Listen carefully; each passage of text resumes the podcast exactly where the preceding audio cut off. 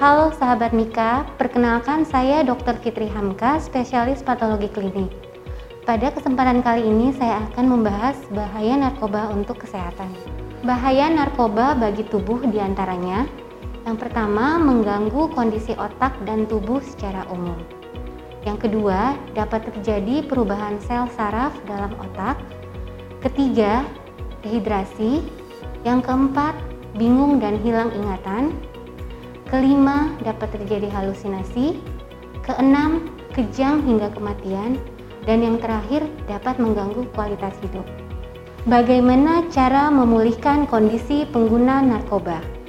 Orang yang sudah terlanjur kecanduan narkoba dapat disembuhkan dengan cara melakukan rehabilitasi.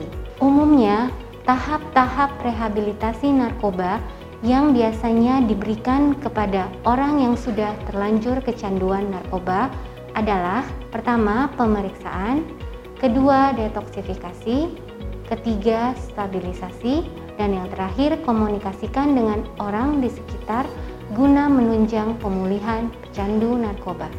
Apabila sahabat Mika ingin berkonsultasi lebih lanjut, silahkan langsung telekonsultasi atau jangan ragu kunjungi Mitra Keluarga.